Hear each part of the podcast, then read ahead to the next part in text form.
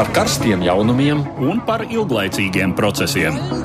par idejām, par cilvēkiem, par naudu, Un par laiku, par abām mūsu planētas puslodēm. un lietojot abas smadzeņu puslodes. Ēterā raidījums divas puslodes. Mēs tiekamies nākamajā raidījumā divas puslodes, kad ceturtdienās šajā laikā runājam par to, kas notiek pasaulē. Aits Tamsons un Edvards Liniņš ir šeit studijā. Augstais karš, kurš šķiet izvēršas starp Krieviju un Lielbritāniju, aizēno gaidāmās Krievijas prezidenta vēlēšanas. Gan Krievijas, gan starptautiskie mēdīji par spiegu sāgu vien runā. Mēdīji min, ka Krievija šādā veidā pasaulē demonstrē savas politiskās metodas. Ko varam sagaidīt no Krievijas tālākajos gados, jo Putins grasās būt pie varas vēl vismaz septiņus gadus? Tas būs pirmais no mūsu plašākās analīzes tematiem. Vācijā beidzot ir jauna valdība. Angela Merkele joprojām būs kanclere, taču sociāldemokrāti arī ir panākuši lielāku ietekmi. Kā tas izpaudīsies, ko var sagaidīt no jau zināmā tandēma, bet jaunās attiecībās? Mēs arī runāsim raidījumā par šo. Un ASV notikusi kārtējā personālija maiņa Trumpa komandā, un šoreiz tā skārusi valsts sekretāra amatu. Tikai gads bija vajadzīgs, lai Trumps secinātu, ka viņam iepriekš tik slavētais Reks Tillersons vairs nepatīk. Kā vērtēt šīs pārmaiņas un kā tās ietekmēs ASV ārpolitiku? Klausītāji ir aicināti komentēt, sūtot ziņas mūsu raidījumam Latvijas radio viens mājaslapā. Savukārt Twitter lietotāji ir lūgti balsot par to, vai jūsuprāt Vladimirs Putins paliks Krievijas prezidents arī vēl pēc 2024. gada. Tur ir vairāk atbilžu variantu, lūdzu izvēlieties vienu no tiem un nobalsojiet tagad tuvāko minūšu laikā, kā jūs domājat, vai Putins meklēs iespējas palikt prezidenta amatā vēl ilgāk. Tātad Twitter jautājumu varat atrast Latvijas radio viens kontā. Tātad Twitterī Latvijas radio viens. Bez mums studijā vēl divi viesi, kas seko līdz tam, kas notiek pasaulē. Divi augstskolu mācību spēki. Latvijas Universitātes asociētais profesors Ojārs Skudra. Labdien! Labdien! Un biznesa augstskolas turība profesors Ainārs Dimants. Labdien! Bet nu, pirms mēs ķeramies klāt minētajiem tematiem plašāk, mums arī dažas ziņas īsumā.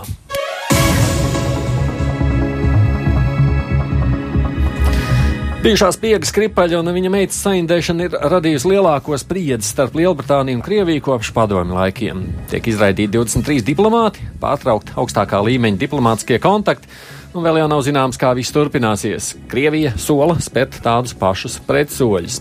Startautiskie mediji tikmēr analizē, kāpēc gan indētāji apzināti ir izmantojuši vielu, kas ir tikai Krievijas rīcībā, un kāds tad ir Krievijas prezidenta Vladimira Putina vēstījums pārējai pasaulē un arī pašu iedzīvotājiem. Mēs par šo vēl tagad runāsim arī Krievijas vēlēšanu kontekstā. Divi premjeri divās valstīs ar līdzīgu nosaukumu vakar paziņoja par savu demisiju. Pēc protestiem, kurus izraisīja žurnālisti Jāna Kuciaka slepkavība, piekāpjoties opozīcijas spiedienam par savu demisiju, paziņoja Slovākijas premjerministrs Roberts Fico. Par notikušo slepkavību plašāk mēs runājām pagājušajā raidījumā.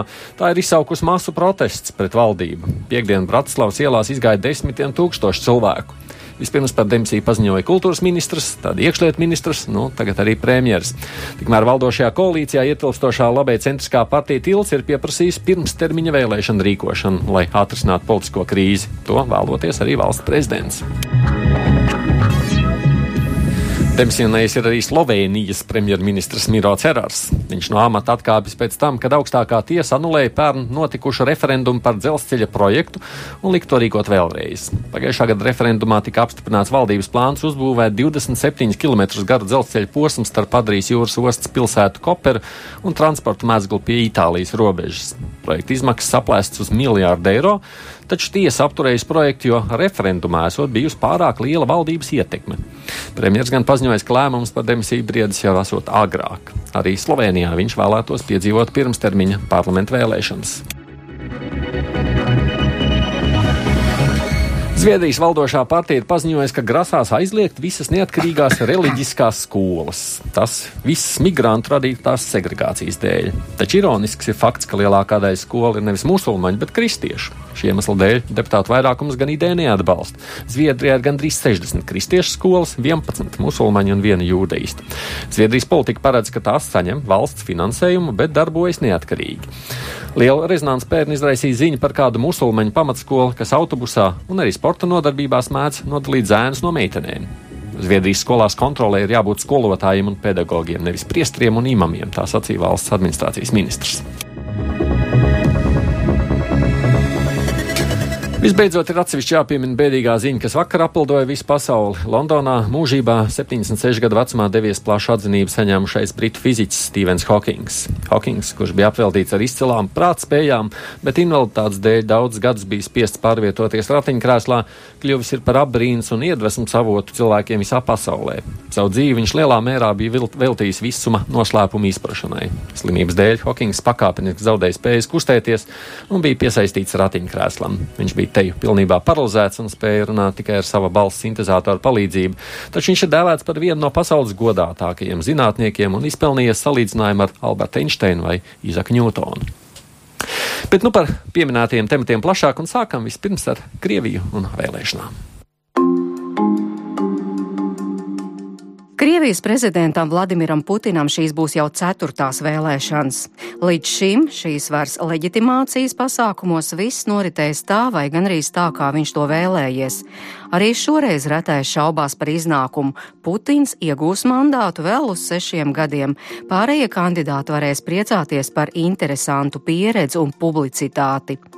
Pilnīgi noteikti Krievijas valdnieku izredzes nepasliktina skandāls, ko izraisīja bijušā Krievu militārā izlūkdienesta virsnieks Kripaļa un viņa meitas saindēšana Lielbritānijā. Gan 23 Krievu diplomātu izraidīšana, gan pārējā negatīvā reakcija Lielbritānijā un citur pasaulē vairumam Krievijas vēlētāji signalizē tikai to, ka šais grūtajos laikos jāsaslēdzas ciešāk ap vadoni.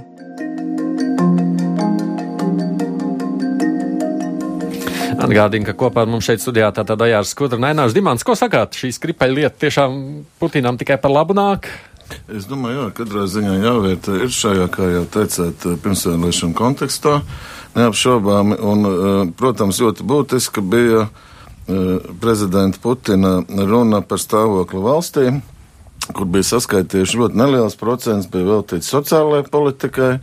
Un vairāk kārt lielāks laiks, ilgāks laiks bija veltīts Krievijas militārai eh, varenībai, teiksim, jauniem potenciāliem ieročiem un tā tālāk. Ja.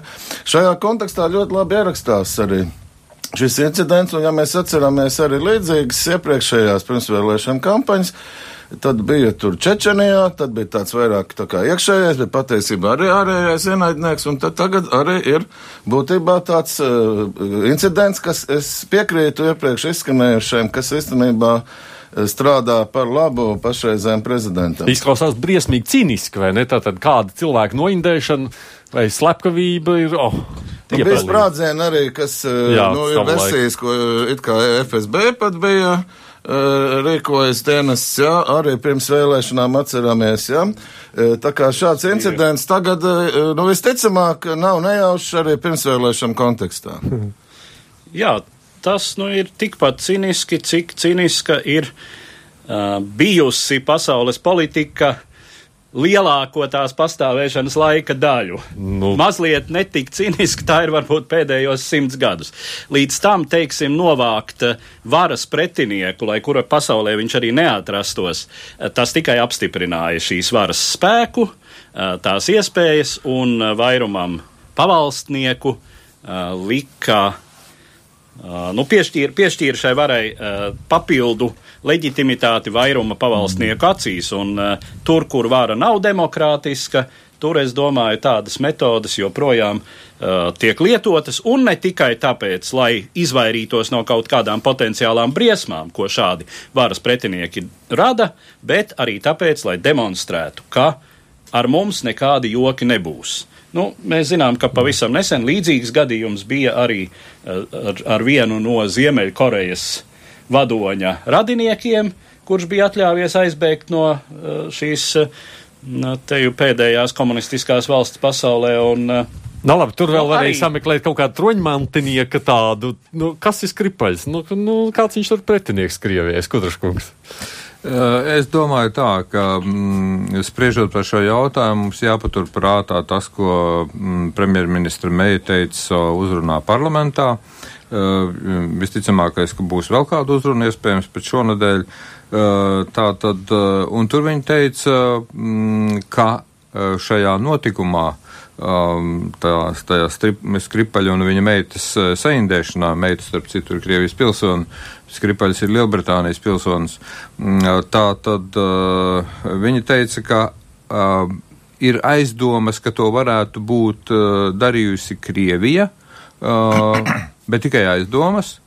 Un, un otra tēze bija, ka tas varētu būt noticis tāpēc, ka Krievija ir zaudējusi kontroli par šo nāvējošo nervu indi, tātad Novičok jeb no Novičok grupas indēm. Jaunu līdzi. Jā, jā, tā tad zaudējusi, zaudējusi kontroli. Tas ir meja savā runā oficiāli pieļāva iespēju, Iespēja. ka to varētu būt izdarījusi ne, ne Krievija, Nu, tad tur var, var minēt, eh, kas tad varētu būt tie darītāji bijuši. Eh, ja reiz eh, tas galvenais iemesls Krievija zaudējas kontroli par šiem ķīmiskiem ieročiem, kurus tad nu vajadzētu pārbaudīt organizācijai starptautiskai, kas nodarbojas ar ķīmisko ieroču konvencijas izpildes kontroli. Kā zināms, gan Lielbritānija, gan, gan Krievija ir parakstījuši šo konvenciju. Bet, ja runājam savukārt par pašu iekšējo Krievijas politiku, nu tur jau šis skandāls nekādi droši vien sliktu ēnu neatstās uz Krieviju. Absolūti. Nu, diemžēl diemžēl tie laiki, ko mēs tagad Krievijā redzam, arvien vairāk sāk atgādināt Staļina laikus. Un, e, es domāju, ka mēs varam e, vilkt paralēlis ar to, kas notika šeit 39. 40. gadā. Un, Tas galvenais secinājums, manuprāt, ir, diemžēl, ka mums iekšēji jābūt gataviem tiešām ļoti dažādiem scenārijiem. Un šis e, arī incidents Lielbritānijā ir signāls par to. Jautājums ir, vai mēs esam iekšēji gatavi gan savās etniskās attiecībās, arī tiesiskās valsts situācijā, e, korupcijas līmenī un tā tālāk. Vai mēs tiešām esam iekšēji gatavi dažādiem scenārijiem, kuri var sekot arī, arī, arī šeit? Ja? Nu, tas ir galvenais. Arī sevišķi pēc uh, uzrunas uh, par stāvokli valstī izriet secinājums. Atcerēsimies, viss sākās ar PSRS himnas at, at, atjaunošanu savulaik. Ja? Šie 2000. gadā, kad Putins, kad sākās Putina ēra, ja? Tad bija, protams, arī vērtējums, ka lielākā ģeopolitiskā katastrofa 20. gadsimtā ir PSRS sabrukums. Tagad jau ir ļoti skaidrs paziņojums šajā runā, kur tika rādīti ar tie jaunie ieroči, ka faktiski tā tad, kas jau arī tiek būtībā dziedāts, nu mazliet ar citiem vārdiem, jauns himnas teksts, bet tā pati melodija, ka tā tad PSRS jau bija Krievija. Un mēs tā tad arī ejam tālāk ar šo Eh, Krievijas mantojumu, un es atgādināšu eh, tiem, kas eh, tiešām būsim realisti arī par Latvijas un Krievijas attiecību veidošanu, ka joprojām ir pilnīgi atšķirīgas vēsturiski tiesiskās doktrīnas, ka Latvijas valsts ir pilnīgi jauna valsts, izveidojusies 90. gadā. Tā ir Krievijas vēsturiski tiesiskā doktrīna joprojām, un nav notikusi atkāpe ne pa milimetru Tie ir naivi cilvēki, kas varbūt domā, ka kaut kas ir noticis. Un es domāju, ka Putina kungs ar savu runu gribēja arī šo mums atgādināt. Bet, eh, jā, pirms es dodam vārdu Skudras kungam, tajā sarunā, kas Edvardam Liniņam bija, būs droši vien vēl plašāk Svētdien. pēc tam svētdien, jā, jā. bet tur tas Krievijas sociologs, jā, Igors Mintusovs, jā, Mintusovs, Mintusovs būtu pareizi, jā. Viņš jau saka, ka būtībā Putins ir, viņš tikai seko tam tautas pieprasījumam. Jā, jā un tā. zināmā mērā Mintuso kungam var piekrist, kad viņš to saka. Nu, viņš saka to, ka Putins ir oportunists, un viņš ļoti jutīgi uztver jebkurus noskaņojumus sabiedrībā un ļoti cītīgi iekļaujas. Bet te ir jāsaprot arī tas, ka vara šādi uh, aizstājot politiku ar polittehnoloģiju būtībā, tātad apkalpojot šādas sabiedrības vēlmes, un šajā gadījumā tas ir tas postimpēriskais sindroms. Mēs atkal gribam būt lieli un vareni, kaut arī neesam spējīgi izražot normālu toaletes papīru, ja?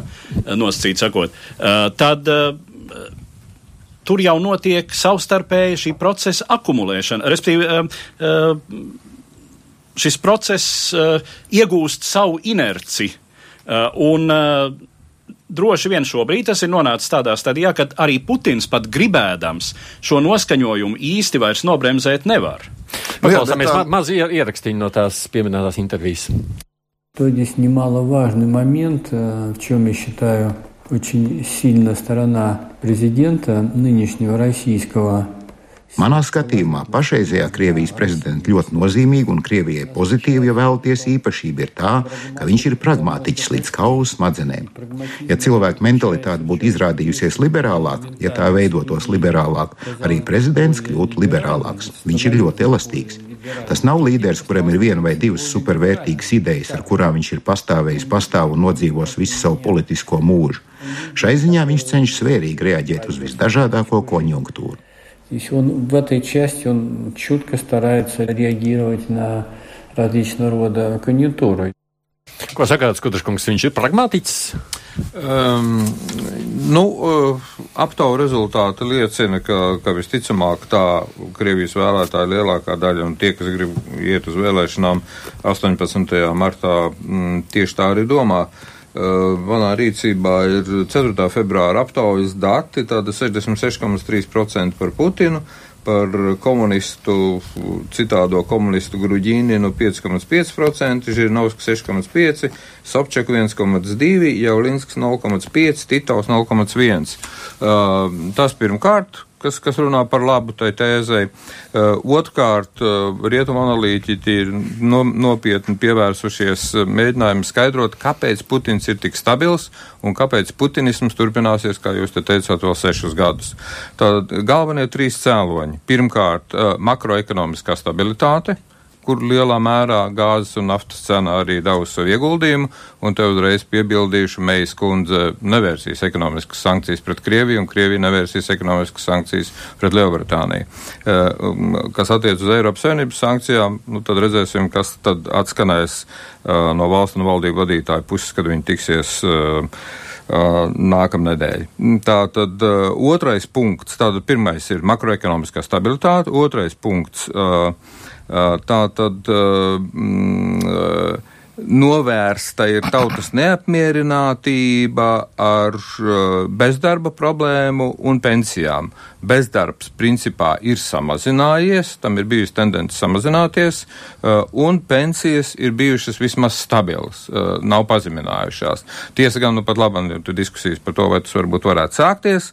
Uh, un trešais punkts. Tātad privātais sektors ir spējis palielināt savu efektivitāti, kaut arī ir neliels, jā, apmēram trešdaļa vai, vai, vai pat ceturdaļa no Krievijas IKP. Mm, tā tad eh, ar vienu nosacījumu. Viņš nedrīkst nonākt konfliktā ar pastāvošo politisko varu, ar Putina režīmu. Eh, un viņš nedrīkst uh, savas efektivitātes problēmas risināt, uh, uh, palielinot bezdarbu, teiksim, atlaižot cilvēkus masveidā no darba, modernizējot ražošanu un tā tālāk. Uh, ir jāmeklē citi ceļi, kas nav saistīti ar bezdarba palielināšanu. Tātad, tāpēc stabils. Un visbeidzot, uh, kas attiecas uz brīdinājumiem, kas atskanēja no Dimanta kunga puses, manā priekšā ir šā gada februāra publikācija. Autors ir Jānis Bērziņš, publicēts amerikāņā pētniecībā pētniecības fondā vai organizācijā. Jānis Bērziņš ir Nacionālās, mūsu Nacionālās aizsardzības akadēmijas pētniecības fonda direktors, un tas, tas teksts, kas manā priekšā angļu valodā saucas uh, iespējamie Krievijas intervences scenāriji. Runa ir par intervenciju Latvijā. Mm. Un te ir minēti tā tad pavisam tādi, tādi konvenci, parastā bruņojuma operācija, zemes intensitātes operācija, sestās eh, paaudzes karadarbības operācija, eh, tīklā centrēta karadarbība kā scenārijs un secinājumi. Tā, tā, tas, tas, tas par brīdinājumu. Piebilst, jā, tas arī tiešām uh, turpina to domu par iespējamiem dažādiem scenārijiem. Uh, Eh, kuriem mums ir jābūt gataviem. Es pieņemu, ka tādus izspēlē ne tikai Bērziņa kungs, bet arī pie Kremļa rakstām galdiem, tā sakot. Ja? Eh, bet kas ir mūsu mājas darbs? Es domāju, mūsu mājas darbs ir tieši, ja mēs runājam par tām, cevišķi par divām vēstures tiesiskām doktrīnām, tomēr tad savu tiesiskās nepārtrauktības doktrīnu pārstāvēt konsekventi un nesvinēt kā atceres dienu oficiālā kalendārā 16. martu, jo tas totāli nonāk pretrunā ar šo pašu Latvijas vēsturiski tiesisko nepārtrauktības mm. doktrīnu un absolūti spēlē vienā no tiem scenārijiem, eh, kurus raksta Kremlī. Es, starp citu, Twitterī jautājām klausītājiem, es arī aicināju vēl balsot, vai ne, tā pirms redzījuma, kā viņi domā, kas notiks pēc 2024. gada, jo to, ka viņš tagad būs, par to neviens nešaubās, ne? Mums jau drīzāk ir interesē, kas notiks vēl pēc sešiem gadiem, vai ne, vai viņš vēl joprojām būs. Mūsu klausītāji, nu, dalās, teiksim tā, 53% saka, ka viņš tomēr atradīs citu pēcteci. Nu, kas būtu Jā. tā kā. Kas arī tiek minēts eh, kā ticamākais scenārijs šķiet medijos šobrīd? 15% domā, tātad 15% no latviešu vēlētājiem varētu domāt, ka viņš zaudēs popularitāti tomēr šo gadu laikā. Tas ir tāds scenārijs. Nu, un 32% saka, ka viņš paliks pie varas, citādāk sāksies hauss valstī, ka viņš arī meklēs citādāk. Par to hausu, starp citu, runājot arī viena no uh, Eduarda uh, sarunu nu, jā, biedriem. Sarunbiedra, kuras uzvārdu mēs nenosauksim. Jā, Marina, bet viņa skolotāja, ko viņa saka par to, kas notiktu, ja nebūtu Putins Krievijas jā, nākotnē. Если будет нужен сильный какой-то лидер, то я думаю, что этот сильный лидер, конечно, он о себе заявит. Ja būs vajadzība pēc spēcīga līdera, tad viņš pieteiksies arī jau piesauktajās jukās. Bet cauri juku laikiem būs jāaiziet. Kas notiks ar Krieviju, kā tā noturēs savas milzīgās teritorijas, kā virzīsies tālāk, tā pārvaldes krīze, kas pastāv jau šodien, to mēs nezinām. Bet skaidrs ir viens - Krievijā būs ar katru gadu sliktāk, jo kas pēc Putina aiziešanas no varas būs noteikti, un es nedomāju, ka tam visam izdosies viegli tikt pāri mūs gaida asiņaini satricinājumi. Nu, tās bažas par to, ka Krievijā nu, nu, ir, ir bail, ja nebūs Putins, būs traki. Nu, bet uh, ir taču pieredze kaut vai Ziemeļkorejā, kā var nodot dinastijas ietvaros, tā sakot, uh, stabilitāti, uh, nodot jā, jā. varu, stabilitāti nodrošināt. Ja? Ir arī Krievijā tāda pieredze. Es domāju, ka nevajag arī tā uzreiz uh, tik ne negatīvos, uh, asiņainos scenārijos. Nu jā, nu vēl jau vairāk redzēt, ja? padomju savienībā mēs visus, vai gandrīz visus iespējamos scenārijus vērojām. Kā teiksim, ģensekam, kurš ir uzskatīts par absolūti neaizstājamu un būtībā dieva vietā gan tautai, gan partijai, aizejot mūžībā, nu, tomēr kaut kā tā vara, to varu izdodas nostabilizēt, lai gan, nu, ir jau visādi, ir visādi varianti, un, un nu, daudz tomēr saka, ka uh, iespējams, ka Putina tūmā nav nevienas tik spēcīgas personības, uh, kura varētu pārliecinoši pārņemt. Nu, man katrā vārdu. ziņā liekas interesanti ne jau ar tādu domu, ka uh, Ksenija Sobčakai ir liela politiskā nākotne varbūt, bet tomēr no vienas puses skaidrs, ka viņa, viņas loma ir leģitimēt, jeb leģitimizēt šo ko sauc par prezidentu vēlēšanām Krievijā procesā, ja? mm. bet tai pašā laikā būtu interesanti, es tomēr paredzu, un varbūt, ka man būs jāpēc par to es nesolu, ja, ka tomēr būs vairāk procentu. Nekā 1,2. Ja? Jā, tiek nosauktie, ko nu pat. Ja, tas, zināmā mērā, būs kā tāds termometrs arī, ja.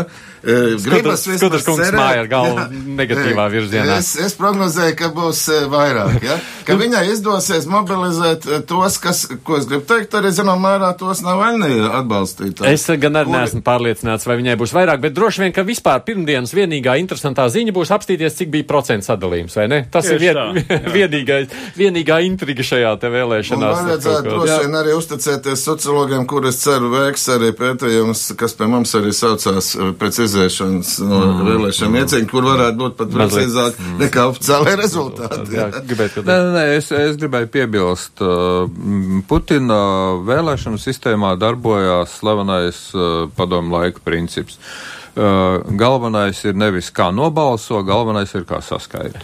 Un kas skaita? Ah, mēs turpinām ar nākošo tēmātu par jau notikušām vēlēšanām, kur rezultāti gan varēja, nu tā kā gaidī, sanāca gaidot tālāko lielāku spriedzi nekā droši vien sākotnēji bija tas gaidīts. Tātad Vācijā tapus jauna valdība par to, kā viss notika. Klausāmies vispirms mazliet tādā plašākā vēsturiskā ierakstā.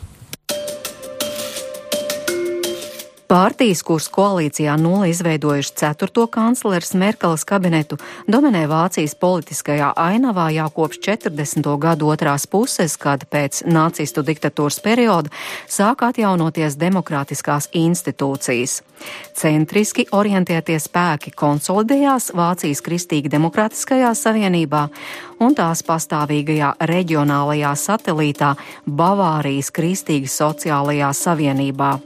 Sociāldemokrāti izveidoja Vācijas sociāldemokrātisko partiju, savukārt par trešo spēku kļuva liberālā brīvo demokrātu partija, kas izrādījās parocīgs mazākais koalīcijas partners kā kristīgo demokrātu, tā vēlāk sociāldemokrātu vadītajās valdībās. Protams, runa šai gadījumā ir tikai par Rietumvāciju, kur atjaunojās demokrātija, kamēr padomju okupācijas zonā Austrumvācijā tika izveidota padomju stila totalitāra valsts, kurā dažas nekomunistiskās partijas gan drīkstēja pastāvēt, taču visu noteica valdošā Vācijas Socialistiskās vienības partija. Pirmie 20 pēckara gadi Rietumvācijā pagāja kristīgo demokrātu un viņu līdera Konrāda Adenauvera zīmē. Viņa vadītā Rietumvācija īstenoja savu ekonomikas brīnumu, no karā izpostīts valsts jau 50. gadu nogalē pārtopot Eiropas lielākajā ekonomikā, iekļāvās NATO un aktīvi iesaistījās Eiropas integrācijas procesā. Tika likti pamati sociāli orientētās tirgus ekonomikas modelim, kas labi saderēja arī ar sociāldemokrātu platformu.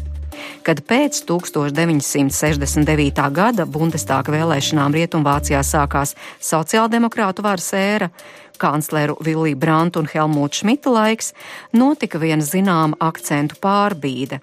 Rietumvācija kļuva par īstu labklājības valsts paraugu modeli, pie tam saglabājot ekonomisko dinamiku.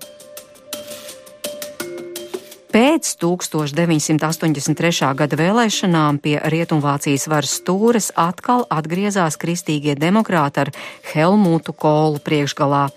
Tieši Kolam bija lēmts piedzīvot Berlīnas mūra krišanu un daudziem negaidīto Vācijas apvienošanos. Austrumvācijas integrācija nebija viegls process un bija tikai loģiski, ka 1994. gada vēlēšanās vēl noturējušies pie varas kristīgie demokrāti to zaudēja 1998. gadā. Sociāldemokrāti izveidoja koalīciju ar Zaļo partiju, Jaunu spēku, kas Vācijas politiskajā spektrā pastāvēja kopš 1980. gada, pārstāvot ekoloģijas un ilgtspējīgas attīstības idejas.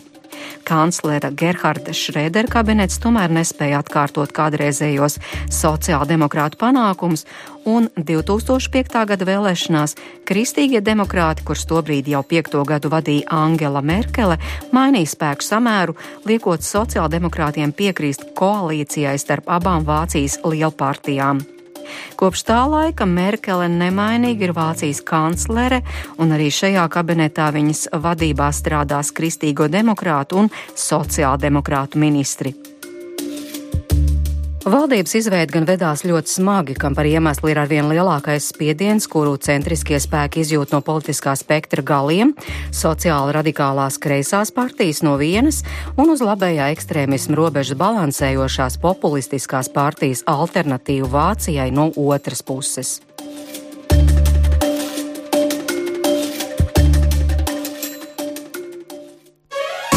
Divas puslodes! Atgādījums šeit studijā Latvijas Universitātes asociētais profesors Ejārs Skudra un augstskolas turīja profesors Ainās Dimants, protams, Edvards Liniņš arī šeit pat līdzās. Nu, jūs jau daudz sekojat līdz tam, kas notiek noteikti Vācijā. Ko jūs sakāt tagad par šo rezultātu? Nu, varbūt eh, vispirms tā varētu priecāties, ka valdība ir izveidota. Un tie ir taktiskā līmenī viss notiek, tā sakot, un, un, un būs sadarbība ar Franciju un tā tālāk, bet mani satrauc, zinot Austrijas piemēru, un arī jau šo Vācijas arī attīstību lielās koalīcijas laikā, ka lielās koalīcijas ilgtermiņā ir drauds īstenībā politiskai stabilitātei, politiskai sistēmai. Un, un tas nozīmē, ka arī tagad tomēr tā politiskā dinamika. Nav alternatīva, tāpēc, ka nav opozīcijas, jā, jā, opozīcijas alternatīvas. Jā. Būtībā Merkels kundze, nu tā pārspīlēt sakot, bet tomēr ir iztenojusi sociāldemokrātu politiku. Ja? Šajā lielajā koalīcijā, tad rodas vēlētājiem jautājums, kāpēc mums ir jābalso par CDU, kas sauc sevi par konservatīvajiem, ja viņi izteno sociāldemokrātu politiku. Tad mēs varbūt balsosim par AFT, alternatīvu Vācijai, piemēram. Ja? Un tas ir tas izaicinājums. Protams, ka tas ļauj arī, kas, kur es saku pozitīvo mazliet redzu ļauj pozicionēties liberālajai partijai, brīviem demokrātiem, ja, kuri e, faktiski izjauc tās sarunas, kas bija iepriekš, e, kur varēja sanākt nevis lielā koalīcija, mēs zinām, bet varēja sanākt arī tā sauktā, kā mēs latviski teikt, luksafora koalīcija, ja, attiecīgi pēc tām krāsām, kas raksturo, kas ir zīmīgs katrai partijai, ja. Die Farbe Bekenen, ja? Tad tas neiznāca lielā mērā liberāļu līdera Kristiāna Lindnera, teiksim, prasību dēļ, bet es domāju, ka viņam ir taisnība, ka patiesībā Merkele nevēlējās šo koalīciju ar Lindneru un ar zaļajiem, bet viņa vēlējās Vaiterzo, turpināt tāpat kā līdz šim, jo viņai vieglāk ir ar sociāldemokrātiem. Tā kā taktiskā līmenī es domāju, ka viss būs vairāk vai mazāk. Labi. Līdzīgi, bet būs līdzīgi kā līdz Makrona kungu, bet Jā. līdzīgi līdz galam nebūs eksploatācija. Būs, uh, būs lielas problēmas gan iekšpolitiski, gan ārpolitiski. Uh, nevis tāpēc, ka Vācijai ir uh, ļoti lielas sociālas, iekšpolitiskas un, un, un kulturālas un visādas citādas iekšējās problēmas un ārējās problēmas. Vācijas problēmas ir bagātas valsts problēmas. Tas mums ir jāsaprot vispirms. Piemēram, Eirozonas pozitīvais tirzniec, ārējās tirzniecības saldo ir 400 miljardi eiro. Lauvas tiesa no tā ir Vācijas. Tāpēc Lepena nevelti sauc Eirozonu par Vācijas uh, brīvā tirgus, Vācijas preču brīvā tirgus zonu un, un tam ir zināms pamats, un tāpēc arī Merkel pirms uh, saņēma uzticības balsojumu ir dažos uh, tekstos teikusi, uh, ka, ka Vācijai ir šī problēma, ka, viņa, ka Vācijai šo problēmu nāksies risināt vispirms attiecībās ar Ameriku un Trumpu. Kā mēs zinām, ir noteikti sievadu muitas un tā tālāk. Tā, tas ir viens aspekts.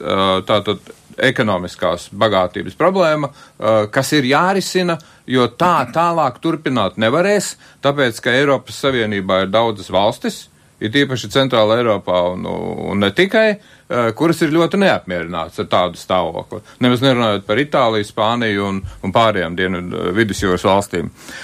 Kas attiecas uz, uz, uz valdību.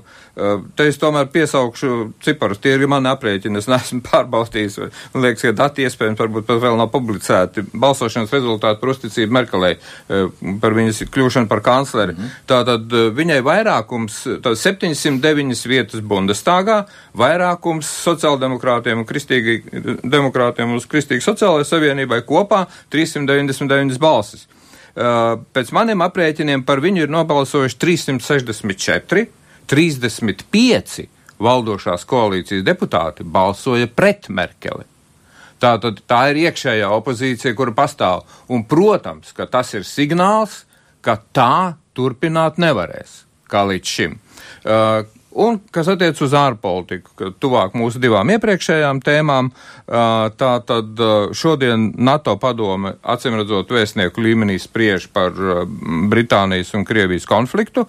Mēja runās ar Makronu, jo Vācijas ārlietu ministrs vakar bija Parīzē, un uh, Francijas ārlietu ministrs Žants uh, Īvs Deledrijāns uh, um, nenosauca Krieviju par atbildīgo Skripaļa lietā. Tā, tad, tāpēc Meija grib šodien skaidrot telefoniski ar Makronu jautājumu. Merkele rīt tiekas ar Zviedrijas premjeru, kurš ierodās Berlīnē. Uh, lai apspriestu tā skaitā arī Eiropas valstu vadītāju tikšanos. Uh, un pēcpusdienā rīt Merkel dodas pie Makrona uz Parīzi, kur sprīdi, spriedīs par divpusējām attiecībām, Eiropas politiku un starptautiskām tēmām, loģiski arī par Krieviju. Mm. Edvard, ko tu saki par to Vācijas stāstu un tālāko? Nu, Es skatos droši vien mazliet pavirši un no tādas ļoti plašas perspektīvas. Uh, nu, man šķiet, ka no vienas puses, uh, jā, var, var piekrist visam tam, kas saistās ar sen iestāvējušās koalīcijas bīstamību, Un es domāju, ka piesauktie 35 visdrīzāk nāca uh, pirmkārt no sociāldemokrātu puses. Nē, es zinu, ka no CDU tieši. Tieši no CDU? Presē, jā. Jā. À, mhm. Tas ir interesanti, jā, jo no sociāldemokrātiem bija vislielākās iekšējās problēmas, jo mhm. lielā mērā viņi uzskatīja sev neizdevīgu šo sen pastāvošo koalīciju. Viņiem šķiet, ka viņi zaudē, zaudē zināmā mērā savu identitāti. Nu, tāda ir, tāds ir viens virziens Tas ir Vācijas sociāldemokrātijā. Jā. Viņi izjūt līdz ar to arvien lielāku spiedienu no šiem dilinke, tātad kreisās partijas, kas ir tāda radikāli sociālistiska, runā par to, ka ir tomēr jāuzbūvē reāls sociālisms, nevis šis uh, Vācijas uh, brīnums, uh, kas ir, kas ir mm, tātad sociāli atbildīgā tirgus, tirgus ekonomika. Uh, nu, no otras puses, patiešām šī sazobe starp sociāldemokrātiem un kristīgajiem demokrātiem Vācijā, nu, tie ir pēdējie 70 gadi lielā mērā. Nu, jā, bet ja mēs, Lai gan, nu jā, nu jāsaka, tiešām daudz kas mainās arī Vācijā, un ja mēs paskatāmies uz tā, tām popularitātes kartēm, tad šie jaunie radikālie spēki, uh, tie nāk pamatā, starp citu, no Austrumvācijas. Tie- Tur gan Dīlinke, gan, gan tai alternatīvai Vācijā ir uh, lielākais atbalsts. es gribēju jautāt, mēs esam tālu Riedmanu sazvanījuši, kurš ir mācītājs, latviešu mācītājs Berlīnē. Halo! Jā, halo, labdien. Jā, labdien! Tīri cilvēcis gribējām jums jautāt, cik Vācijā kāds ir sajūtas šobrīd, vai ko paši vācieši saka? Nu, valdība ir, ir labi, slikti vai vienalga. Man šķiet, ir ļoti grūti pateikt, ko paši vācieši saka, jo Vācija jau ir milzuma liela un ārkārtīgi raiba. Un, uh, tur ir gan, uh, gan vēl ar vien šis austrumu un rietumu sadalījums, kurš vēl šos gadus nav pazudis, gan arī vēl daudz citi. Bet no tiem, ar kuriem jūs tur sarunājaties, droši vien jau taču kādreiz dzirdat vai jūtat kādi tā gaisotne. Ne, būtībā jau es domāju, ka uh, ir tāda uh, ar vienu visu laiku uh, nezūdoša šī te stabilitātes sajūta, ko varbūt nedaudz izšūpoja tā uh, alternatīvas parādīšanās no, no, no austrumu vairāk neapmierinātajiem ļaudīm.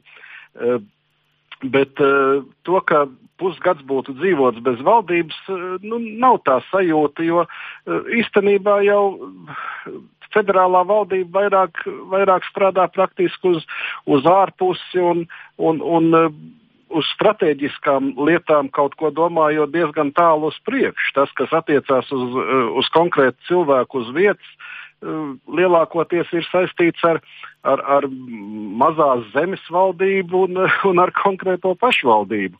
Un kamēr šajās lielajās lietās arī uh, cilvēkam pašam savā dzīvē viss ir kārtībā un, un, un algas tiek maksātas un pabalsti un viss pārējais uh, notiek un, un, un lielas buntas un, un, un nepazīstami cilvēki uz, uz ielām ar mietiem nestaigā, tikmēr viss ir kārtībā. Var teikt, ka vācieši tā kā gribētu, lai tajā lielajā sadaļā stabilitāte saglabājas un tāda ir un tad turpinās. Tā? jā, jā, droši vien, ka tā. Paldies, Tāls Redmans, kurš ir uh, latviešu mācītājs Vācijā. Nu, sakot par to. Nu, vietējo faktiski jau to teica, eh, es ļoti īsi mēģināšu jau agrāk, vai ne, ka daudziem vāciešiem uh, Angela Merkel ir kā mutī vai ne kā, mm. kā māte. Viņa tiešām arī šo stabilitātes ideju. eh, Vienotības ideja, pat varētu teikt, iemeslu. Vietējā mutē, jā. Vācijā, jā. Vāt sakot tā. Bet eh, tajā pašā laikā pilnīgi skaidrs, te jau ir līdzīgs jautājums, eh, zinot, eh, tikai arī gadi jau nosaukti, cik ilgi jau vada valdību. eh, Attiecīgi Angela Merkele, ja tas ir, eh, tas jau, nu, jau 12, būs pārspēts arī Kola eh, rekords un tā tālāk, ja. Eh, Jautājums ir eh, līdzīgi kā par Putina kungu, ja. Jo viņi arī atsakās, starp citu, pateikt, ka šis ir viņas pēdējais termiņš. Ja? E, Vad sakot, e, vai viņai šis būs pēdējais termiņš, vai tomēr nē. Ja? Es paredzu, ka būs tā iekšējā dinamika abās lielajās partijās un pozicionēšanās, ko jau mēs tagad redzam, ir pilnīgi jaunas sejas ievērojiet. Pēc vēlēšanām sociāldemokrātijā vispār priekšējās sejas ir totāli nomainījušās. Kā saka, uz pēdējo solu ir pārsēdināts bijušais priekšsēdētājs un bijušais arī Eiropas parlamenta priekšsēdētājs, ja, uz pēdējo soli Bundestagā, tā sakot, ja, ir pilnīgi cits jaunas sejas, frakcijas priekšgalā, partijas priekšgalā būs arī un tā tālāk. Es domāju, ka līdzīgs process notiks arī CDU. Jā, ja drīkst eh, mazu piebildu, tā tad eh, pirmkārt eh, sociāldemokrātiem šī līdzdalība valdībā var izrādīties krahu nesoša. Eh, Var izrādīties, ka jaunajiem sociālistiem, kur ir eh, joprojām pilnīgā opozīcijā un uzskata, ka nevajadzēja piedalīties, bet divas trešdaļas partijas biedri nobalsoja par, eh, tā tad vakardienas aptauja sociāldemokrātiem dod 17,5% balsu.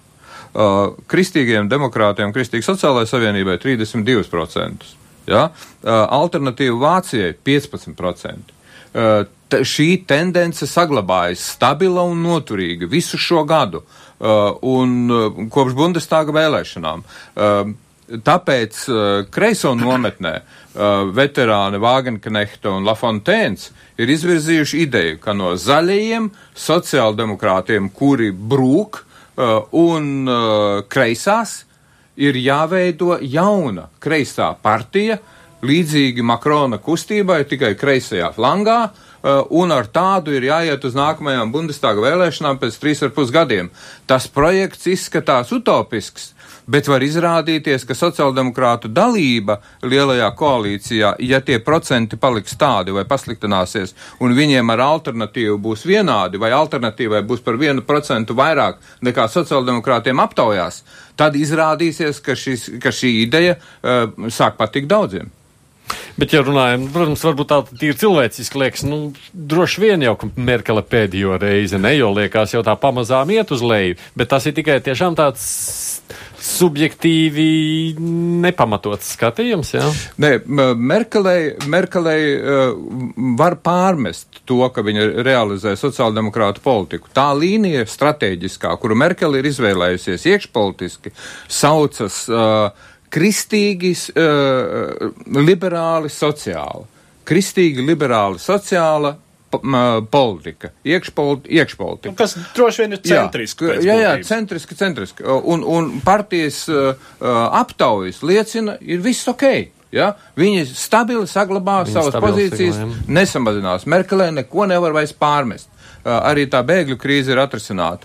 Bet, kas attiecas uz ārpolitiku, Merkeles ārpolitika, un par to acīm redzot ar Makronu būs lielas diskusijas, kaut gan Makrons arī slēdz šajā virzienā.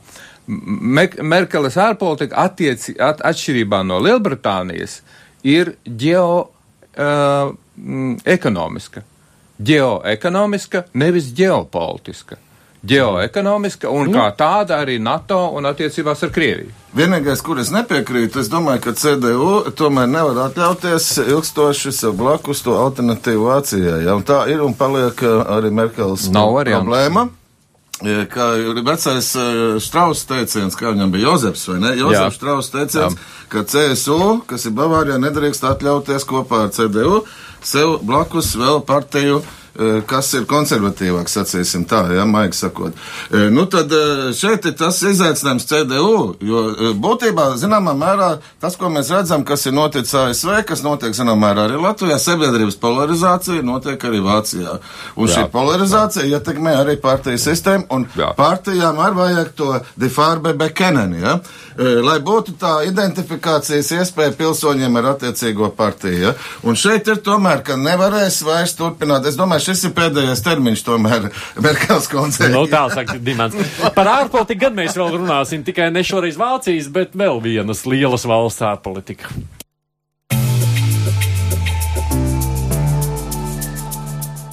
Kad 2016. gada decembrī jaunievēlētais Savienoto valstu prezidents Donalds Trumps nominēja valsts sekretāra amatam savā kabinetā naftas un gāzes kompānijas Exxon Mobil izpildu direktoru Reksu Tillersonu, daudz izteica šaubas par šī vīra pārāk ciešajām saiknēm ar Putina režīmu Krievijā. Exxon Mobil bija jutusies Krievijas tirgū visai ērti, kamēr dažas citas rietumu kompānijas no turienes izspieda valsts atbalstīt Krievu koncerni. Tomēr tas jādomā nav Tillersona valsts sekretāra karjeras beigu iemesls. Jau kopš kāda laika izpaudušās ziņas par vēsām attiecībām starp Tillersonu un Trumpu, kam iemesls bijušas gan principiālas domstarpības vairākos ārpolitikas jautājumos, gan jādomā abu valsts vīru raksturīpašības. Tā nu Reksam Tillersonam nākas iet. Diez cik smalki nebija arī tas, ka par otras nozīmīgākās kabineta amatpersonas atstādināšanu prezidents paziņoja ar tvītu.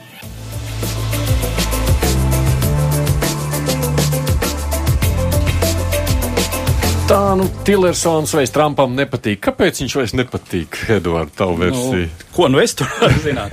Bet, nu jā, spriežot pēc tā drusku tādu um, tautisku teicienu lietojot, divi vēlni vienā purvā nav sadzīvojuši. Nu, abiem kungiem ir uh, gana lielas ambīcijas, abiem ir salīdzinoši maza uh, politiskā, tīri politiskā pieredze. Ir publiskā pieredze, ir vadības pieredze, protams, kā vienam tā otram, abi ir biznesa cilvēki būtībā. Uh, viens tātad nāk nu, no, no investīciju mediju vides Trumps un, un Tillersons ir ar inženieru izglītību un nevelti tur tā ExxonMobil, kas ir, kas ir naftas gāzes kompānija. No otras puses, uh, Um, un, un iespējams, ka tur ir, jā, nu, tur ir tādas uh, resoriskas nesaskaņas, ka uh, Trumps pārāk maz ir klausījies to, ko saka Tillersons un uh, Savienoto valstu vai otrādi, ārlietu resursu. Vai otrādi, Tillersons pārāk maz klausījies, ko saka Trumps. Tieši tā. nu, vai otrādi, jā, nu, īsāk, īsāk sakot, ir, bet nu, tur, tur ir vairāki, vairāki lieli, tiešām lieli ārpolitiski jautājumi, kuros tās nesaskaņas ir parādījušās. Nu, pirmais, kas tiek minēts, ir Irānas. Uh, Irānas kodola vienošanās, kas tika noslēgta jau Obamas laikā, pret kuru Trumps ir eh, visai skeptisks, uzskata, ka uh, pret Irānu tomēr būtu jāvērš atkal kādas sankcijas, kam nepiekrīt ne pārējie parakstījušie, kas ir Eiropas lielās valstis un Krievija. Uh, un, nu, tur ir Tilersona izteikums, ka Trumps grib iedzīt Irānu stūrī. Nu, tiek minēts trīs valsts, iedzīt, vai ne? Irāna, uh, Ziemeļkoreja. Nu, ar Ziemeļkoreju arī jā, problēmas. Krievija arī. Uh, Krievija kaut kur šobrīd laikam vairāk fonā. Tagad ir fonā tikai palikusi. Ko jūs sakāt, Skudrs kungs, kas tur īsti? Es saku tā, atcerēsimies, Tillersons tikās ar Baltijas valstu ārlietu ministriem. Preses relīze no valsts departamenta 6. martā. Un tā tad uh, tur nekas neliecināja, var cekot par kaut kādām problēmām. Nu, redzēsim, vai līdzīgi paziņojumi tiks sniegti arī pēc uh, Trumpa tikšanās ar Baltijas valstu prezidentiem. Bet tās, tā viena rindkopa, kas bija šajā preses relīzē, bija gan par uh, sadarbības padziļināšanu, gan par cīņu pret e, sadarbību cīņā ar Krievijas dezinformācijas kampaņām un kiberaktivitātēm. Stratēģija mm, mm, saistībā ar Krievijas e, politiku Eiropas drošības jautājumos, e, tad par to, ka Krievija neievēro kaimiņu valstu teritoriālo integritāti un nerespektē to suverenitāti. Un, uh, var sakot, aprīlī tātad Trumpa kungs tieks ar Baltijas valstu prezidentiem. Redzēsim, vai tas tur tad atkārtosies, bet pagaidām tie paziņojumi liecina, ka atkārtosies. Uh, es tikai gribētu pieminēt saistībā ar Irānu, ka redzēsim, vai tas izpildīsies rītdien Vīnē.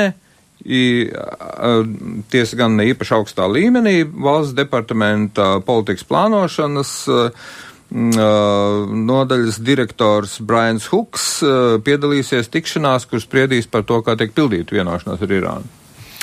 Ainār, ko Starp citu, ļoti interesanti, mazliet vēl atgriežoties pie iepriekšējās tēmas, pat kā par informācijas drošību. Pirmsvēlēšana laikā Vašingtonā tika runāts, un šī tēma, starp citu, ir ļoti aktuāla jaunajam Vācijas ārlietu ministram, kurš bija tieslietu ministrs, kurš taisni Facebook regulējumu Vācijā ievies. Ja?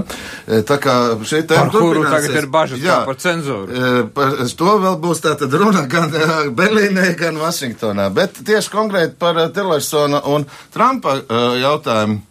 Es domāju, mans redzējums ir drīzāk, ka šeit ir mēģinājums konkrēti Ziemeļkorejas uh, gadījumā Baltam namam uzņemties tādu vadošo lomu. Mm. Vad sakot, Trumpkungs grib atstāt vēsturē pēdas, kā cilvēks, kurš lūk būs atrisinājis Ziemeļkorejas Korejas kodolieroču problēmu. Un jāsaka, ka eksperti ir skeptiski, skeptiski. Es pieņemu, ka arī valsts departaments varētu būt skeptisks, ka vai tik vienkārši tie risinājumi nu būs. Tā Par Trumpu jau lielākā jā, daļa vienmēr ir skeptiski. Ziņā, katrā ziņā ir tāds, mēs jau arī tos tvītus lasām, vai ne? Eh, un, un ir tāds uzstādījums, ka tiksies ar Kim Čenonu un tā tālāk, ja? Un ka nu visu atrisinās. Baidos, ka tik vienkārši ar, ar Kemčenu nu pat Trumps neatrisinās. Es pieņemu, ja ka. Tiksies. Ja vispār ja tiksies, tiksies vēl, ja. Bet no otras puses uh, varētu sagaidīt, uh, vismaz ko var lasīt tagad atsauksmēs mēdējos, nu, ka, ka jaunais ārlietu ministrs valsts sekretārs būs pat vēl konservatīvāks nekā nekā iepriekšējais, arī attiecībās, ja mēs runājam par Krieviju, ja, skatīsimies, it sevišķi tas ir interesanti tajā kontekstā, ka tā sauktā Millera komisija jau turpina darbu, un kā mēs arī lasām medijos, loks ar vienu savalkās ap Balto namu, ja, Tā kā ļoti iespējams, ka būs tomēr nepieciešama arī autonoma valsts departamenta darbība. Jā. Arī, arī, arī ārlietās. Bet vai tu nav vispār pārējais visu to ārlietu slogu uzņemties Baltais nams? Ne, es, es domāju tā, ka tā tendence, kas ir iezīmējusies un ar, ku, ar kuru Pompejo nāksies saskarties, un tagad daudzi saka, lūk, gudrā Nikija Heilija, kuru no apvienoto nāciju organizācijas kā pastāvīgās pārstāvs krēsla nepārgāja uz valsts departamentu, jo viņi viņu apmēram pusgadu Trumps esot lencis kā nākamo valsts sekretāru, viņi ir atteikusies no tā. Tā tad eh, par ko runa? Runa par to, ka eh, ārpolitiku turpmāk noteiks Trumps eh, un, un Pentagons. Nevis valsts departaments. Tas pirmkārt. Uh, un, uh, un, un, protams, ka, kas, kas attiecas uz, uz, uz Irānu un uh, Ziemeļkoreju, nu tad ir saprotams, kāpēc veidojās tāda tā, tā, tas, tie vadošie, vadošie spēki tajā virzienā. Galvenā Trumpa problēma, kas viņam varētu likt būt piesardzīgam par spīti šai tendencei, kas ir iezīmējusies, ir tas, ka Amerika tomēr ir demokrātija, uh, un uh, zaudējums Pensilvānijā um, tiesas pārstāvu palātas līmenī tiesā ar, ja tas ir pareizi, ar astoņām balsīm. Uh, tie ar astoņām balsīm demokrāti vinnēja Pensilvānijā to pārstāvu palātas vietu, uh, bet, bet rudenī.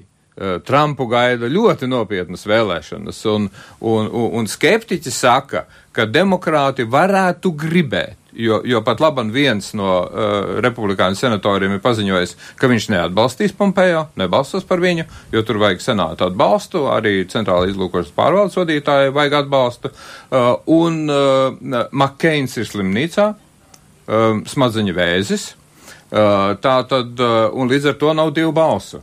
Un, uh, un, un, un atliek rasties vēl kādai balsī, jo tad var nākt tālāk, protams, eh, viceprezidents ar savu balsi, un izrādīsies, ka Pompejo nevar apstiprināt senātā. Uh, un, un demokrāti ir apsolījuši, eh, tiesa gan demokrāti atbalstīja viņu iepriekšējā amatā, kad viņš stājās uh, mm. uh, apmēram 15-16 uh, senatori.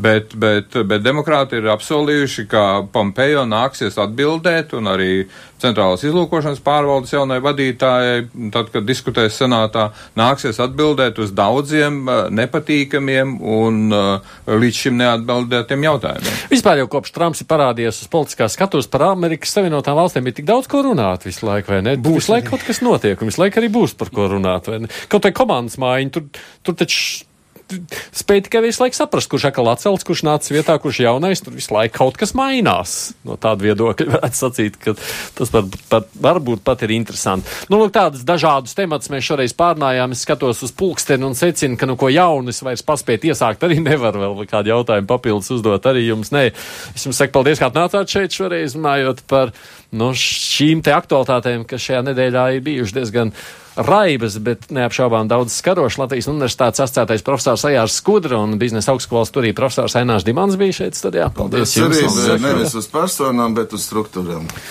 Tā saka Ainārs Dimans. Savukārt, protams, šeit bija arī kolēģis Edvards Liniņš. Saka arī paldies tev. Jā, mēs, protams, tiksimies atkal pēc nedēļas, kad lūkosim, kas notiek atkal abās divās šīs zemes puslodēs. Varbūt būs arī kaut kas jauns. Studijā bija Reisaids Tamsāls līdz nākamajai reizei. Divas puslodes!